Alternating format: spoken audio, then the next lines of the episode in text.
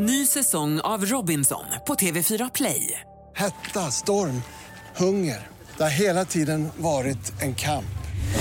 Nu är det blod och tårar. Fan händer just nu. Det. är Detta är inte okej. Robinson 2024, nu fucking kör vi! Streama söndag på TV4 Play.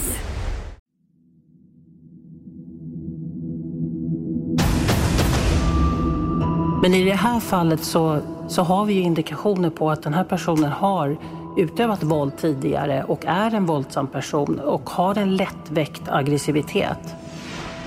N- när vi pratar med, med folk i hans omgivning så framkommer ju en bild av en person som är väldigt lättkränkt och eh, är väldigt långsint. Så om han anser att han är utsatt för en oförrätt så, så kan han hämnas. Jag heter Hasse Aro. Välkomna till min podd Fallen jag aldrig glömmer.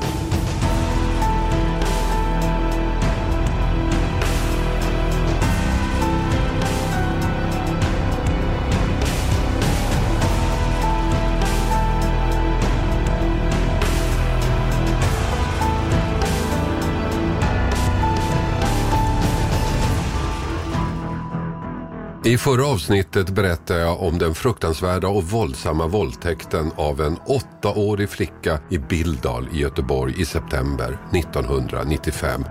Ett fall som upprörde hela Sverige, inte minst polisen.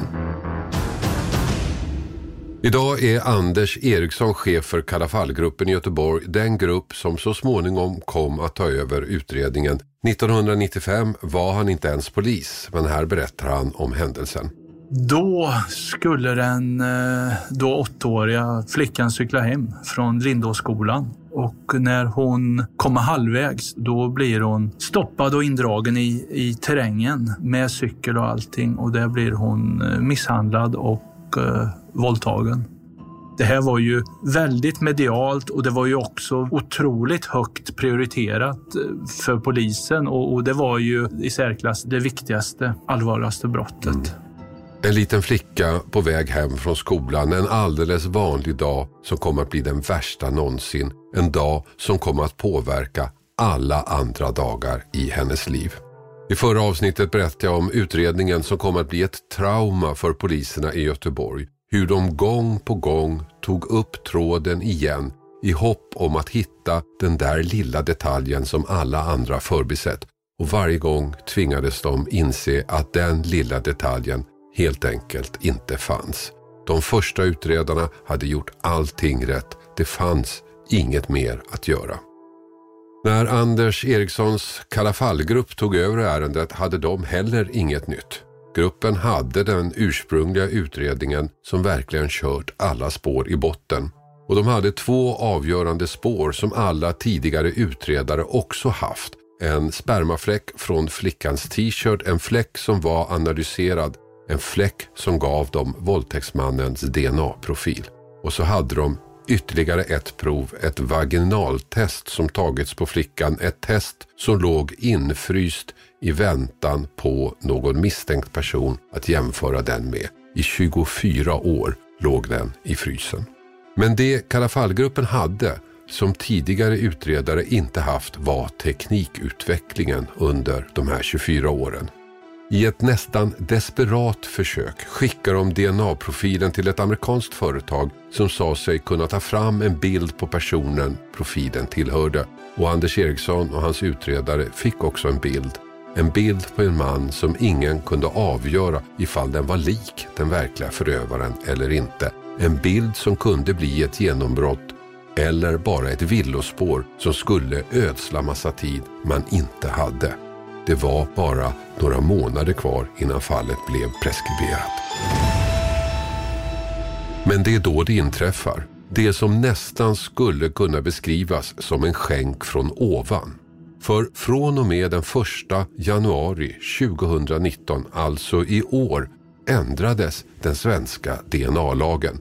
Tidigare hade det bara varit tillåtet att jämföra DNA-profiler från brott mot specifika misstänkta att testa om DNA stämde överens med just den personen.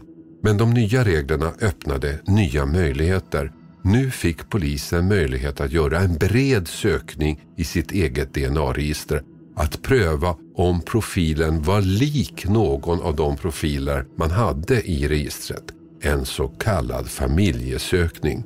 Se om någon släkting till förövaren fanns med.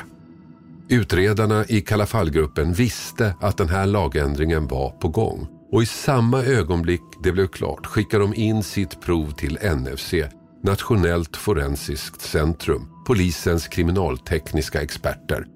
Det var första gången i svensk rättshistoria som det gjordes och resultatet blev överväldigande.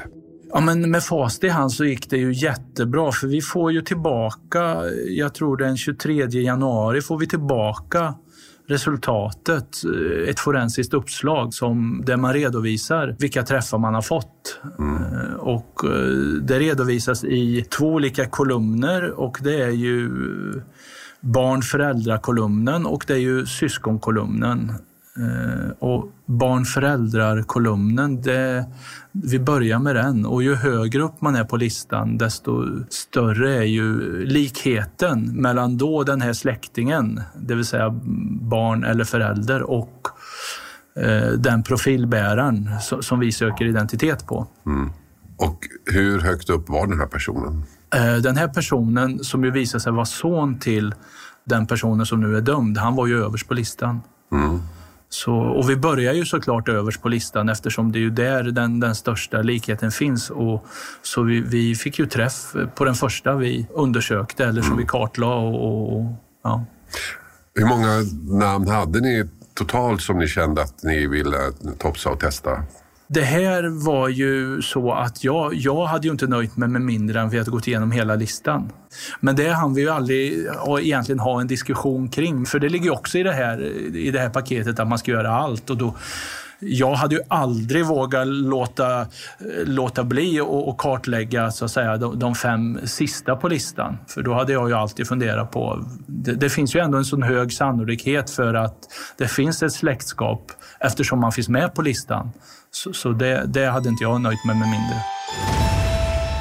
Nej, de hade inte gett sig med mindre än att varje person som kunde tänka stämma in hade undersökts.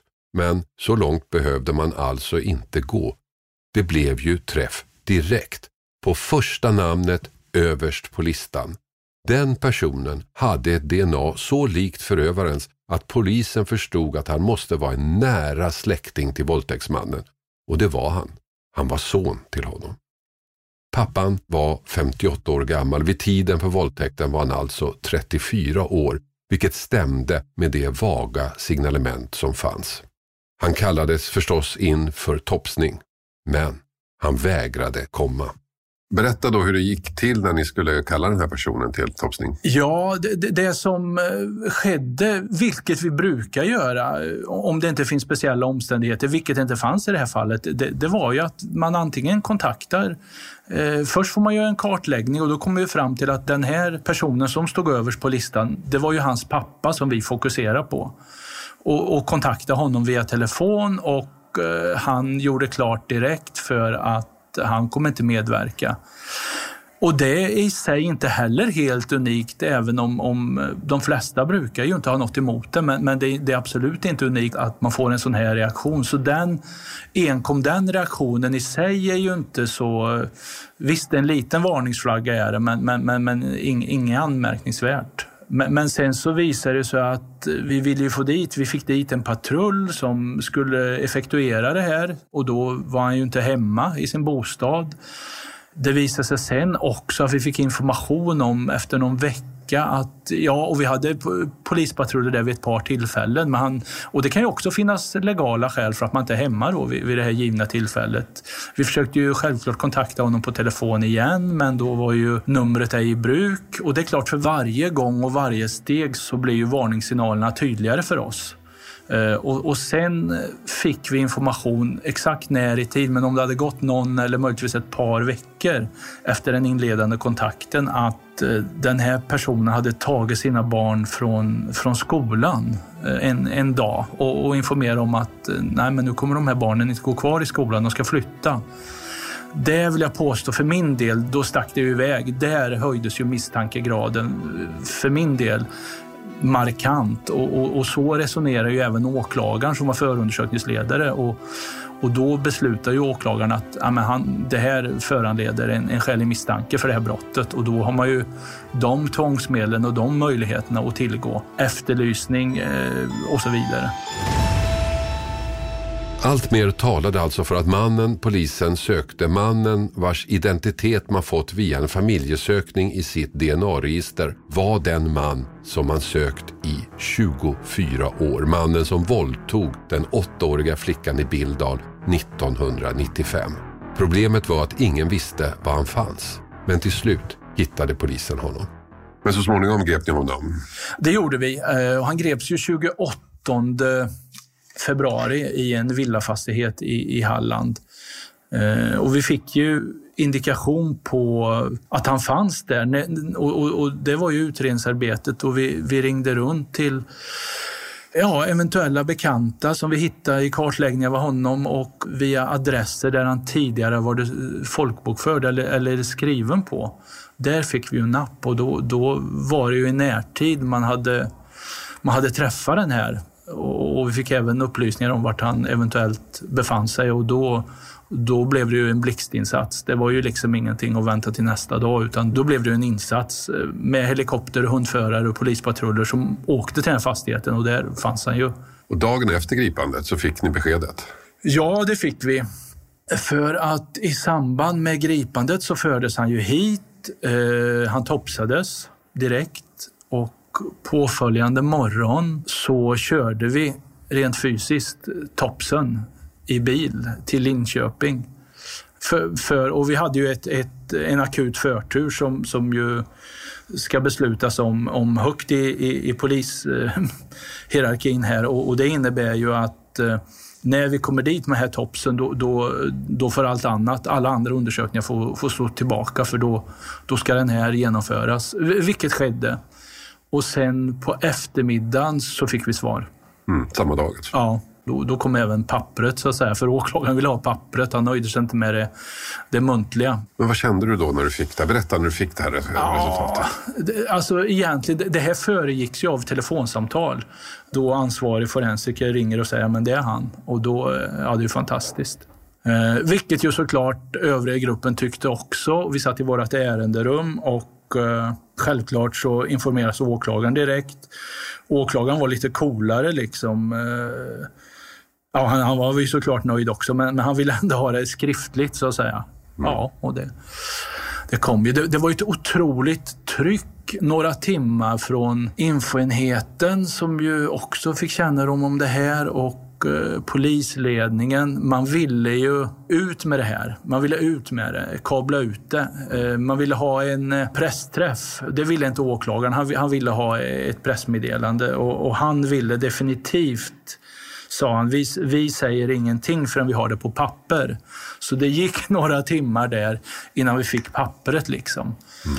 Och då var det ett, men det, det, det, var ju enkom positivt. Liksom. Det, det, men sen, sen, kom ju pappret och då kom ju pressmeddelandet och sen så var ju vi tillgängliga på telefon, både åklagaren och jag. Mm. Eh, och, och, jag hade ju, för jag är ju väldigt, väldigt noga med att inte uttala mig om saker om jag inte är förundersökningsledare, för förundersökningsledaren är ju suverän. Och, men det var inga konstigheter, utan vi hade haft den dialogen om vad jag kunde säga. Det fanns inga som helst tveksamheter. Mannen som gripits var rätt person. Det var han som våldtagit flickan. DNA-bevisen var supertydliga. Men mannen själv nekade. Han hade inte gjort någonting. Dessutom hade han skadat huvudet för flera år sedan. Skadat sig så svårt att han tappar minnet på sånt som hänt innan olyckan. Ett argument som polisen slog hål på. Han eh, har ju hela tiden, han är ju dömd mot sitt nekande och han har ju eh, inte medgett någonting och han har ju hänvisat till att han råkade ut för en olycka och den olyckan skulle då ha, ha gjort att han han har glömt saker. Eh, och vi vet ju vilken olycka han åsyftar och, och det har vi fått så att säga det har vi fått bekräftat för honom och, och, i den olyckan så har vi tagit in journalanteckningar och, och, det är ju tämligen väldokumenterat vill jag påstå att, att vid, vi, vid den här olyckan har han ju inte fallit så att han slagit i skallen. Man har gjort väldigt bra undersökningar i samband med, med sjukhusbesöken där. Så att, eh, ja. Vem var han då, mannen de gripit? Ja, ingen person som var känd sedan tidigare av polisen. Ingen person som någon misstänkte var en brutal barnvåldtäktsman bitvis lite struligt liv men det fanns ändå ingenting som, som så att säga pekade ut honom som våldsman på det här sättet. Nej, nej. N när vi pratar med, med folk i hans omgivning så framkommer ju en bild av, att, eh, av en person som är väldigt lättkränkt och eh, är väldigt långsint så om han anser att han är utsatt för en oförrätt så, så kan han hämnas. Mm. Eh, och, och, det kan sträcka sig under, ja, över tid så att säga. Att han, det, det är väldigt viktigt för honom. Mannen nekade genom alla förhör, vilket i och för sig inte spelade någon roll. Bevisningen var tillräckligt tydlig. Men polisen hoppades på en förklaring ett motiv, någonting som kunde ge svar på frågan alla ställde sig. Varför? Varför hade han våldtagit flickan? Varför just hon? Och varför just då? Jag har ju läst förhören. Han, han säger ju egentligen ingenting. Nej. Han bara snackar runt. Ja. Och säger inga kommentarer. Jag vet inte, jag har glömt Nej. eller jag kan inte. Eller, jag menar, det, gav ingenting kan man säga. Nej, och vi hade ju under förhören så hade vi tät dialog med gärningsmannaprofilgruppen i syfte att eh, via olika förhörsstrategier försöka få honom att berätta. Och, och det är egentligen, eh, vill jag påstå, mest för brottsoffrens och de anhörigas skull. Mm. Alltså med, med tanke på den forensiska bevisningen som, som vi hade i ärendet så, så spelar det ingen roll för utgången av ärendet, vill jag påstå. Men, men det är klart att man vill ju, man vill ju så långt det går få anhöriga och brottsoffret och, och få ett, ett svar på varför blev det så här. Du måste ju ha funderat på väldigt mycket på just varför. Varför gjorde han det här? Jag tror, och det här är ju, det här är ju min absolut egna lekmananalys. Jag tror ju utifrån den bilden som målas upp när man pratar med hans omgivning så, så det, det skulle kunna vara så att det inte finns något sexuellt i det här. Det, det här. det skulle kunna vara så att hon cyklar på honom eller han blir skrämd av henne. Hon, han, hon cyklar för nära honom och, och, och, då hon gör det så straffar han henne på det här sättet. Men, men det, det, och det är ju ingenting vi någonsin kommer få svar på. Det, det är ju det ena, men, men, det är ju utifrån hur han... Men, men å andra sidan så är det ju en väldigt, väldigt hårt straff utifrån det en åttaårig flicka Gör, men, men han, han tänker bevisligen inte som, som oss. Så, så, det är den ena delen. Det andra är ju att det såklart, och, och som ju har varit hypotesen hela tiden, att han har ju eh, stått där. Han har valt ut platsen för han tycker platsen är lämplig och, och, och förberett sig för att, göra det här och, och, letar egentligen bara efter ett lämpligt offer och, och då kommer hon här och och han tycker hon är lämplig att fullborda sin plan. Det är ju det andra. Så, så att, eh, ja. Men, Men, men vad utav det är, det, det, det får vi förmodligen aldrig reda på. Men alla strategier misslyckades alltså. Mannen gav aldrig någon förklaring. Frågan varför fick aldrig något svar. Han dömdes mot sitt nekande. Den 21 maj i år så gav Göteborgs tingsrätt honom sex års fängelse. Både åklagaren och tingsrätten tyckte att straffet borde vara åtta år men han fick det sänkt för att det gått så lång tid. Ja, jag håller med. Ibland är svenska domstolars rabattsystem svåra att förstå. Frågan om varför fick alltså aldrig något svar. En annan och kanske mer intressant fråga som heller inte fått något svar är är det här det enda brottet mannen begått? Kommer han från ingenstans, utför den mest brutala gärning man kan tänka sig och sen bara slutar? Ingenting före brottet, ingenting efter. En enda gärning och sen är det slut. Det kan förstås vara så. Men statistiken, psykologin och brottshistorien talar emot det. Den här typen av gärningsmän brukar ha en historia och brukar inte plötsligt sluta. Vi har flera rättsfall i Sverige som verkligen talar emot det. Jenny Yourstone är psykolog med lång erfarenhet av forskning om våldsbrott. Så här säger hon. Ja, Jenny Yourstone, välkommen hit.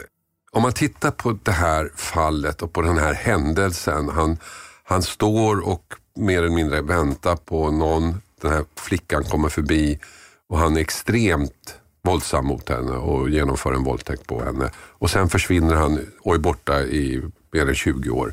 Utifrån den händelsen bara, vad, vad kan man dra för slutsatser om vem han är?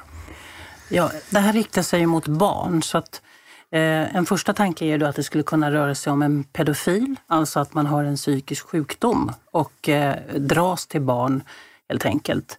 Eh, den andra möjliga förklaringen är ju att den här personen är en, liksom en förövare som begår våldsbrott och då kan ibland barn så att säga hamna i liksom, tillgången på barn avgör i det här fallet. Och också självklart hur gärningspersonen mår.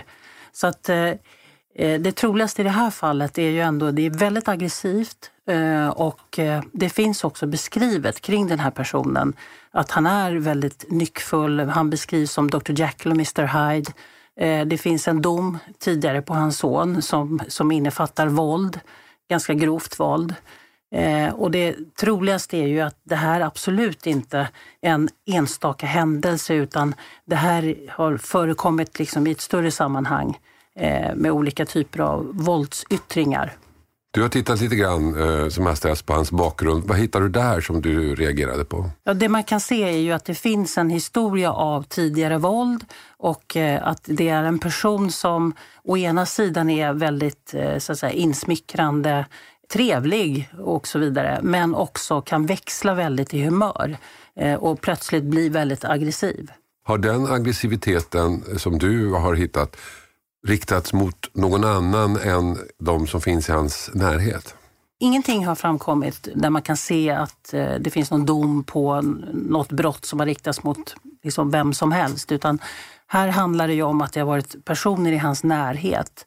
Eh, men å andra sidan så kan det också finnas ett mörkertal här. Att eh, ja, det finns personer som har blivit drabbade men som vi inte vet om. Om man tittar då historiskt på personer som har dömts för grova våldsbrott mot för dem okända personer.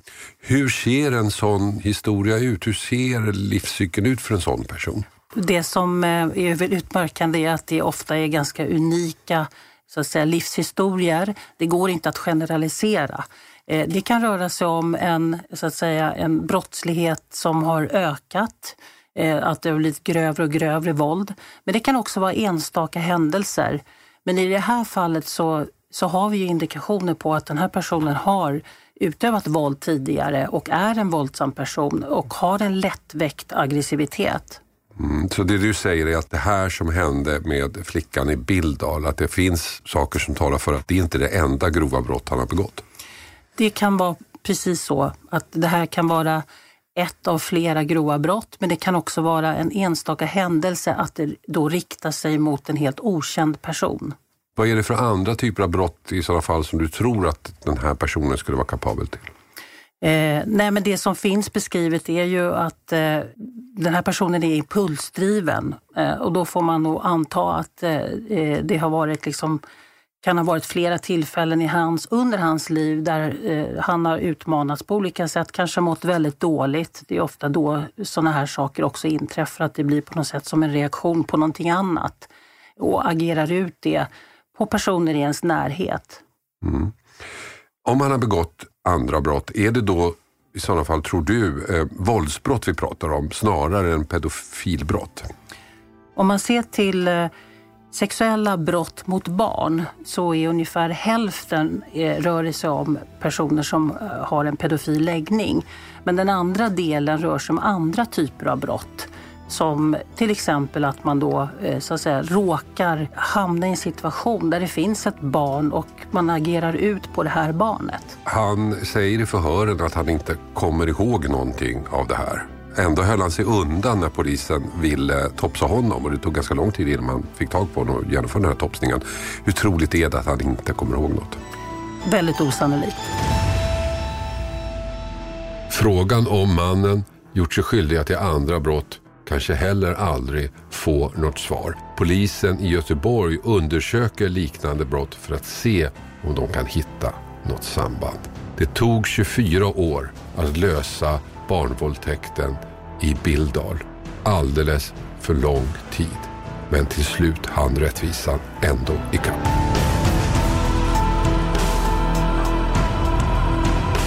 Klippning och inspelningsansvarig David Dava Persson och exekutiv producent Mattias Arvidsson.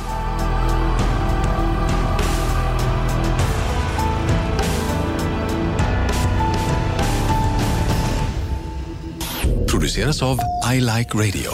I like radio.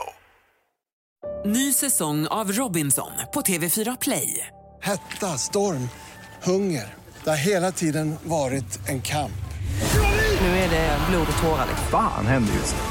Det. Detta är inte okej. Robinson 2024, nu fucking kör vi! Streama söndag på TV4 Play.